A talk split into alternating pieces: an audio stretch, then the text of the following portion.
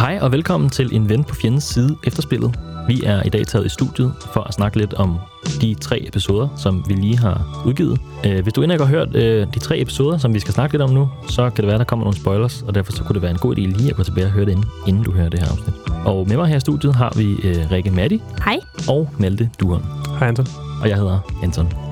Øh, ja, inden vi går i gang, så øh, vil jeg bare lige sige sådan en lille, en lille disclaimer. Jeg tror, jeg sad, da jeg hørte de her afsnit, og tænkte, at ham, Eli Knudsen, som jo er øh, Stines karakter, sådan makker, han, han, kommer til at, han kommer til at blive lidt en pauseklovn i den her historie, og det var bare lige sådan, det var noget, jeg lige havde behov for lige at få sagt, at øh, det var han slet ikke i virkeligheden. Altså, han var faktisk, øh, faktisk lidt af en held, øh, lidt af en held i virkeligheden.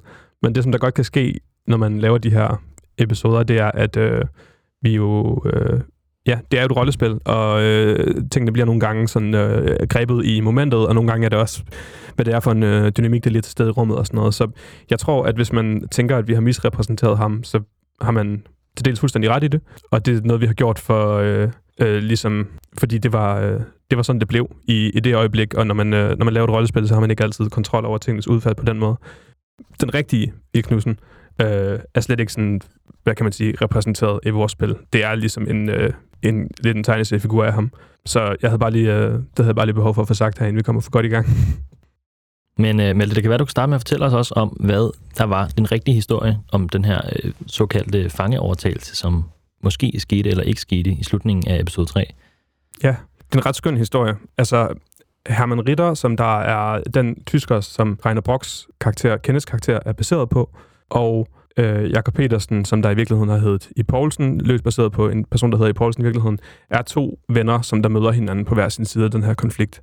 Og det handler om de her værstationer oppe i Grønland, fuldstændig ligesom det gør i spillet. Og efter at i Poulsen bliver taget til fange af tyskerne, så går der ligesom lang nok tid i øh, vildmarken til, at det der øh, til fangetager og fangeophold, eller til fangetager og fangeforhold, det på en eller anden måde sådan opløses lidt.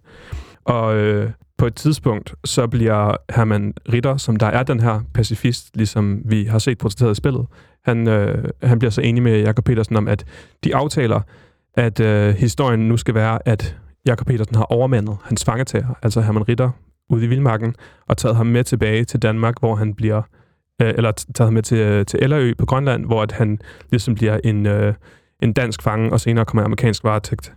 Det er først sådan helt i nyere tid, hvor Jakob Petersen har givet et interview, altså jeg tror han er 80 eller 90 eller sådan noget på det tidspunkt, han giver et interview til en historiker, hvor at han kommer til at tale over sig, og at den rigtige historie kommer ud, nemlig at det er ligesom en fuldstændig venskabelig overgivelse, Herman Ritter er, og Jakob Petersen er ude i på det her tidspunkt. Indtil da har historien været, at, øh, at I Poulsen har... Øh, ja, nu blander jeg rundt på navnene. Mm. Indtil historien der mm. har været, at I Poulsen, den rigtige historiske person, har, øh, har overmanet Herman Ritter og taget ham til fange. Det er slet ikke sådan, det er sket. Det har været to venner, der har lavet en aftale, som der har stået på hver sin side. Og det var det, som der var afsættet for at lave det her spil. Og det synes jeg bare er en mega smuk historie, der får os til at tænke på, hvad er det, de her konflikter betyder ja. mellem mennesker. Mm. En anden ting, som vi også kom ind på i øh, den her episode, Rikke, det var det her forhold til USA. Der er den her øh, tidspunkt, hvor at øh, Stines karakter, Jakob, beslutter sig for at hive øh, løfte i røret til radioen og ringe tilbage til LAØ og bede dem om at få øh, sendt noget amerikansk assistance. Og øh, vi kommer hurtigt ind på det i, i podcasten, men det kan være, du vil uddybe lidt om, hvad det drejer sig om. Ja, det er jo øh, et, et lidt sjovt forhold med Grønland og Danmark og øh, USA, fordi det er jo faktisk en en enkelt mand, som hedder Henrik Kaufmann, som var gesandt, som er sådan en form for ambassadør og i USA under 2. verdenskrig, som egenhændigt beslutter øh, at handle ud fra, ud fra den, den danske regering og ligesom øh, sige, at USA gerne må have en militær tilstedeværelse på Grønland. Øh, og det er ikke noget, den danske regering ligesom har sagt ja til. Han taler bare på danskernes vegne. Og øh, han mener ligesom selv, at det er en enorm god aftale, fordi at de så kommer med militærbeskyttelse selvfølgelig, også med forsyninger, som Danmark ikke kunne, selv kunne sejle op på det her tidspunkt. Øhm, den danske regering har jo samarbejdet med tyskerne, øh, så Henrik Kaufmann har jo selvfølgelig ikke handlet neutralt, som den danske regering hele tiden har gjort, så han har jo også taget et, et step for dem i en retning, som de selvfølgelig ikke har haft interesse i. Ja, så han, han har ligesom taget sådan en fuldstændig selvstændig beslutning. Altså han er, det, det er ret vildt, ikke? fordi det er sådan, her har man en, ja, måske ikke en, en direkte folkevalgt politiker, men i hvert fald en, en, et medlem af, af det politiske system, som der vælger at sige sådan, jeg ved, hvad der er bedst for Danmark i den her sammenhæng. Og selvom at der ikke er noget, der er nogen danskere, der har sagt, at vi skal gøre, selvom det ikke er noget, de folkevalgte har sagt, at vi skal gøre hjemme i Danmark, så beslutter jeg, at USA skal have adgang til Grønland. Ja, altså han bryder ligesom med neutralitetspolitikken, ikke, som Jo, bliver fuldstændig. ført i, af regeringen på det tidspunkt. Han har et meget personlig agenda med det, har helt klart tydeligt markeret, hvor han synes, at Danmark øh, skulle stå henne. Mm. Men det sjove er jo, at han så også sidder med i befrielsesregeringen. Ja. Faktisk. Ja, det og så lidt op og efterfølgende, ja, nemlig kommer på rigtig dårlig fod med lige bagefter nærmest. Mm. Ja, Ja. ja. Så han har haft noget af, et, øh, noget af et liv. Ja, og så ender han jo med at blive slået ihjel af sin egen kone. Er det rigtigt? Ja, hun Nå. skal have halsen over på ham. Nej. Jo, fordi han er syg af kræft, så øh, laver hun sådan et mercy kill, og så slår hun sig selv ihjel bagefter. Hold da op. Okay. Det er en vild historie. Han har faktisk også nogle forbindelser til den amerikanske efterretningstjeneste, hvis vi skal sådan blive helt... Hold da op. Ja. Det er det næste spil, lyder det som om. Ja, jamen, det kunne godt være. Det kan godt være. Henrik Kaufmann og CIA. Ja, det kunne det godt være. Sådan et agentspil. Og der, ligesom vi også nævnte i spillet, så kan man jo se den her film, Vores mand i Amerika, hvis man er interesseret i Henrik Kaufmann. Og man skal også se den, og så kan man også huske på, at det overhovedet ikke er hele historien, man får Ja. ja. der. Altså, det er også en... Øh, ligesom Eli Knudsen blev lidt en pauseklone i vores Mm. spil, så er der helt sikkert også nogle ting i vores mand i Amerika, som der, øh, der, ikke, der ikke er, som de lige ser ud. Så sådan, ja, man skal se den, men man skal også huske at lade være med at tænke, at det er ligesom øh, det hele billede, man får der. Øh, og ham er Henrik Kaufmann, han, han, øh, han, han passer jo på en måde også ind i vores øh, lille tema, vi har kørt øh, om skæbnefortællinger. Han er jo en mand, som øh, om noget får en indvirkning på historien fra et fuldstændig individniveau. Nej, men altså, han er jo interessant, fordi han, som du nævner, Malte, jo bare kører sit eget kører fuldstændig sit eget løb, altså kører med sin egen agenda og tager alle de her beslutninger, øh, på trods af, at han så bliver skiftevis populær og meget upopulær. Øh, men at han jo på en eller anden måde, ligesom vi så i Den Sorte Hånd, jo, jo sætter nogle rigtig store ting i gang, og han er også til stede øh, i San Francisco på den der konference, hvor FN bliver dannet, og øh, så han er jo virkelig en, der sådan sætter skub i nogle ting, og det kan jo også bare have en udløsende effekt på nogle tendenser, der allerede ligger øh, latent i et eller andet, men så ligesom bliver aktiveret, ligesom vi så ja, i Den Sorte Hånd, hvor det her mor ligesom udløser en hel masse efterfølgende konsekvenser, men som måske bare havde været sket uanset hvad. Ja. Man ser bare en meget specifik person, der pludselig øh, handler på det, frem for at det er en masse ting, der sådan lige så stille falder i hak, og så pludselig sker der et eller andet. Så det er bare sjovt, når man kan se nogle meget specifikke individer, som næsten kan virke som om, at de står som egenhændige katalysator for et eller andet. Det er heller ikke sikkert, at Henrik Kaufmann lige havde kunne forudse, at USA stadig ville have en militær stedværelse på Grønland den dag i dag, dengang, hvor han tillod det. Nej, det er ikke sikkert, at det lige har... Altså, han sagde jo ja til det, for det vidste han godt. Men, øh, men nej, det er jo nok ikke helt sikkert, at han har tænkt præcis, hvordan det så ville udfolde sig mm. i Nå. længden. Nej, det, det er ret interessant, fordi lige præcis det der med amerikanernes tilstedeværelse på Grønland i dag, det er jo det, der faktisk gør det her så vigtigt, så man måske ikke, det måske kan ligge lidt fjernt for en, hvis man ikke er inde i det her sager, men det, altså, Grønland betyder ekstremt meget på det her tidspunkt, og det, og det gør det faktisk stadigvæk. Fordi at Grønland ligesom har ligget som sådan et... Øh, det spiller også en kæmpe rolle i den, rolle i den kolde krig, fordi at hvis øh, russerne for eksempel har kunne sætte øh, atommissiler op på, øh, på Grønland, så har de, kun, så har de ligesom kun, kun ramme USA, og der har været en kæmpe bevidsthed om det. Og det er sådan, konflikten er aldrig rigtig kommet så meget ud i det åbne, mm. fordi der, ikke- der ikke har været nogen åben konflikt omkring det, men altså, der har været kæmpe, kæmpe interesser, og er kæmpe, kæmpe interesser på Grønland, sådan rent geopolitisk i det helt store sådan, magtspil i verden. Um, det interessante er, at Roosevelt, da han skrev øh, det hedder, den her aftale ned, eller da han dikterede den ned, der sagde han sådan, at, at Grønland jo selvfølgelig vil blive givet, tilbage- til Danmark, altså fordi reelt set, så er det jo ligesom Grønlands sådan, militær suverænitet, der ligesom bliver givet væk her mm. af Henrik Kaufmann. Men den der udtalelse omkring, at Grønland igen selvfølgelig vil, vil være suverænt igen på sigt, den, den blev så taget ud af Roosevelts personale. Mm. Øhm, så sådan, der har simpelthen, Ja. ja. der er simpelthen siddet nogle folk, som der har forstået, altså Grønland er så vigtig, at vi kan faktisk ikke sådan, Nej. vi kan faktisk ikke give dem deres selvstændighed. Hvis vi først ligesom kan lande den her base, så skal USA ligesom være til stede på Grønland for evigt, fordi de kan ikke tillade, at nogen fremmede magter eller sådan nogle fjender kunne komme til stede der, fordi at det er så fint et springbræt, Ja. ja. sådan rent militært logistisk, mellem USA og Europa. Så synes jeg også, vi skal snakke lidt mere om det her med at have en ven på fjendens side, som vi jo indleder eller afsnittet med at spørge om. Og det er jo sådan, øh, hvad kan man sige, et, sådan et moralsk spørgsmål på mange måder. Øhm, der er nogle sådan eksempler på, at øh, folk på begge sider af, af sådan krigende fronter har øh, haft noget at gøre med hinanden. Jeg tror, det mest berømte eksempel må være den her julefreden i 1914 under 1. verdenskrig, hvor øh, man på Vestfronten sådan lidt spontant juleaften begynder at fejre jul ude i Ingemandsland. Nu siger du Vestfronten. Lad os bare lige få afklaret, hvor, hvor er det hen? Det er så øh, den tysk, engel, tysk-franske slash engelske frontlinje i, i Frankrig under 1. verdenskrig. Det er jo nok det eksempel, som flest mennesker kender, øh, sådan umiddelbart. Der er også en anden historie, øh, som jeg stødte på, som ligner lidt vores, som er lavet til en film også. Øh, den her historie om nogle tyske og engelske piloter, der styrter ned samtidig ude i Norge, inden, øh, inden den norske besættelse, eller inden øh, Tyskland besætter Norge, og bliver fanget sammen ude i en, ude i en hytte ude i sneen. Og hvor to af dem, som overlevede krigen, blev venner mange år senere i virkeligheden. Det minder jo på en måde lidt om vores historie, kan man godt sige. Ja, det er jo ret spændende, de der små glimt af ja. sådan medmenneskelighed, der kan være i sådan nogle ekstremt brutale ja. sådan omstændigheder. Ikke? Ja, det er nemlig det. Den er lavet til en film, der hedder Into the White, som er ganske udmærket. Der er også nogle lidt mere negative eksempler på det, kan man sige. Øh, I Danmark, især øh, fra samme periode, er der jo øh, tyskerpigerne, ja. Som jo er øh, eksemplet på, at den her med at ligesom have noget at gøre med den anden side, øh, kunne have nogle ret negative konsekvenser for ens person.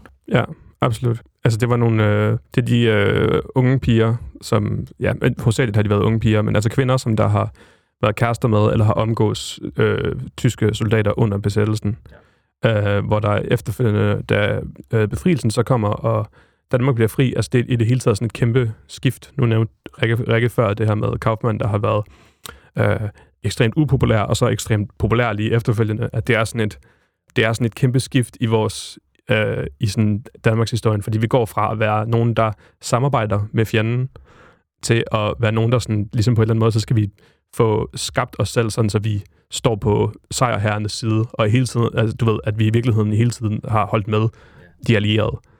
Øh, og der er også der er sådan en hardcore selvtægt omkring de her, de her, øh, de her tyske piger, hvor at øh, altså mænd pågriber kvinder, som de ved, der har omgås med tyskere, og så skærer de håret af dem, og hiver tøjet af dem, og tegner hagekors på deres bryster og på deres krop, og sådan øh, ligesom tvinger dem ned igennem gennem gaden, hvor de, de går for, ligesom for offentlighedens skue.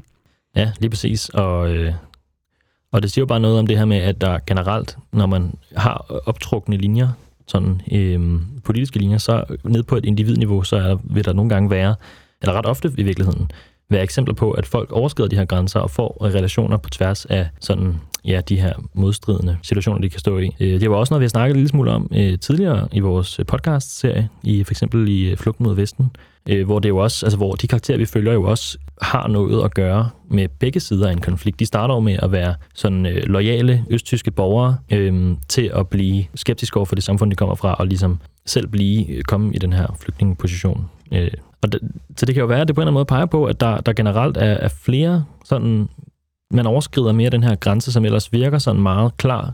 Altså når jeg tænker på en verdenskrig, og så tænker jeg jo meget sådan sort-hvid, ikke?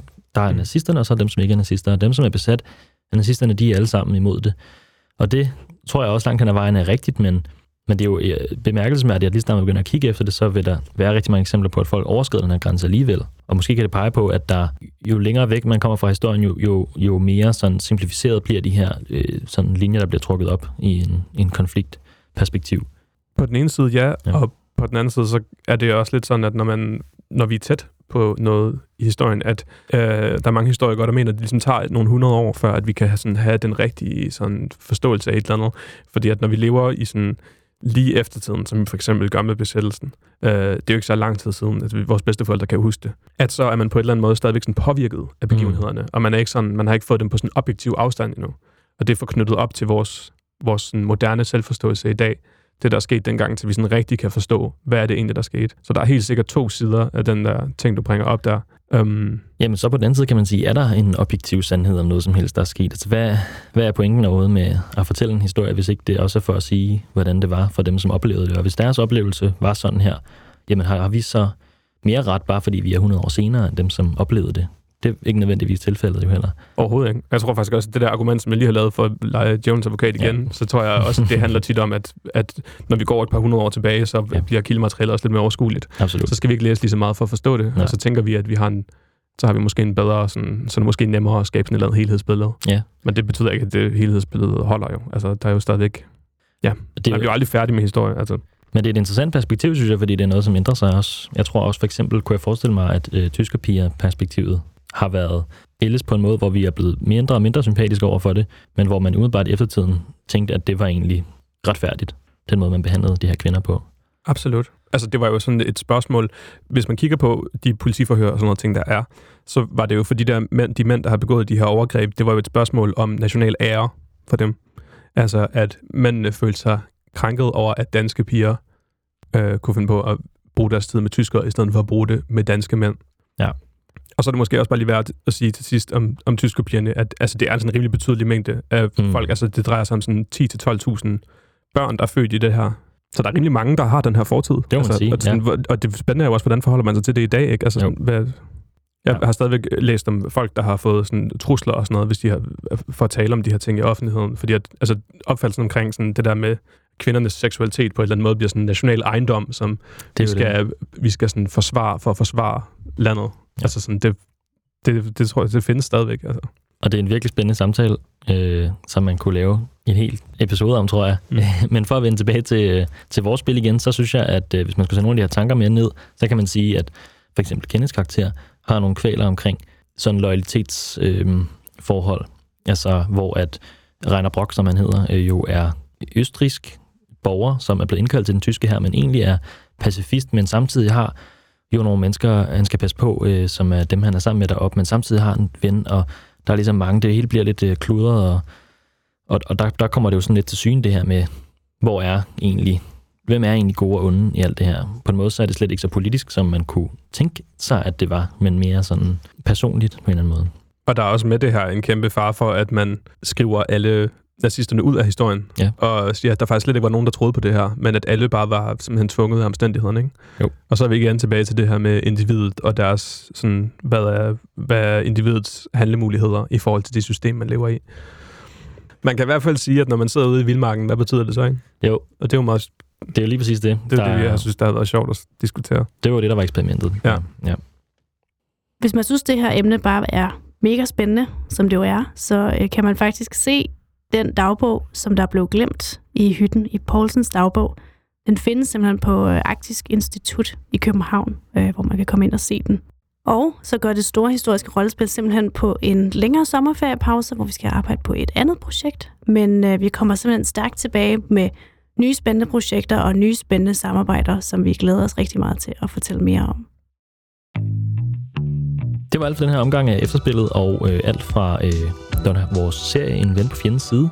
Husk, at man kan gå ind og følge os på Instagram og sende os spørgsmål eller idéer eller whatever, man har lyst til derinde. Så hvis man gerne vil følge med i det store historiske rollespil, og hvad vi laver i vores sommerferie, hvor vi bestemt ikke bare skal dase den, der kommer alle mulige øh, podcasts og projekter i fremtiden også, så skal man følge os ind på Instagram. Der kan man også øh, komme i kontakt med os, hvis man har lyst til det. Det har været Rikke, Jo, tak for i dag.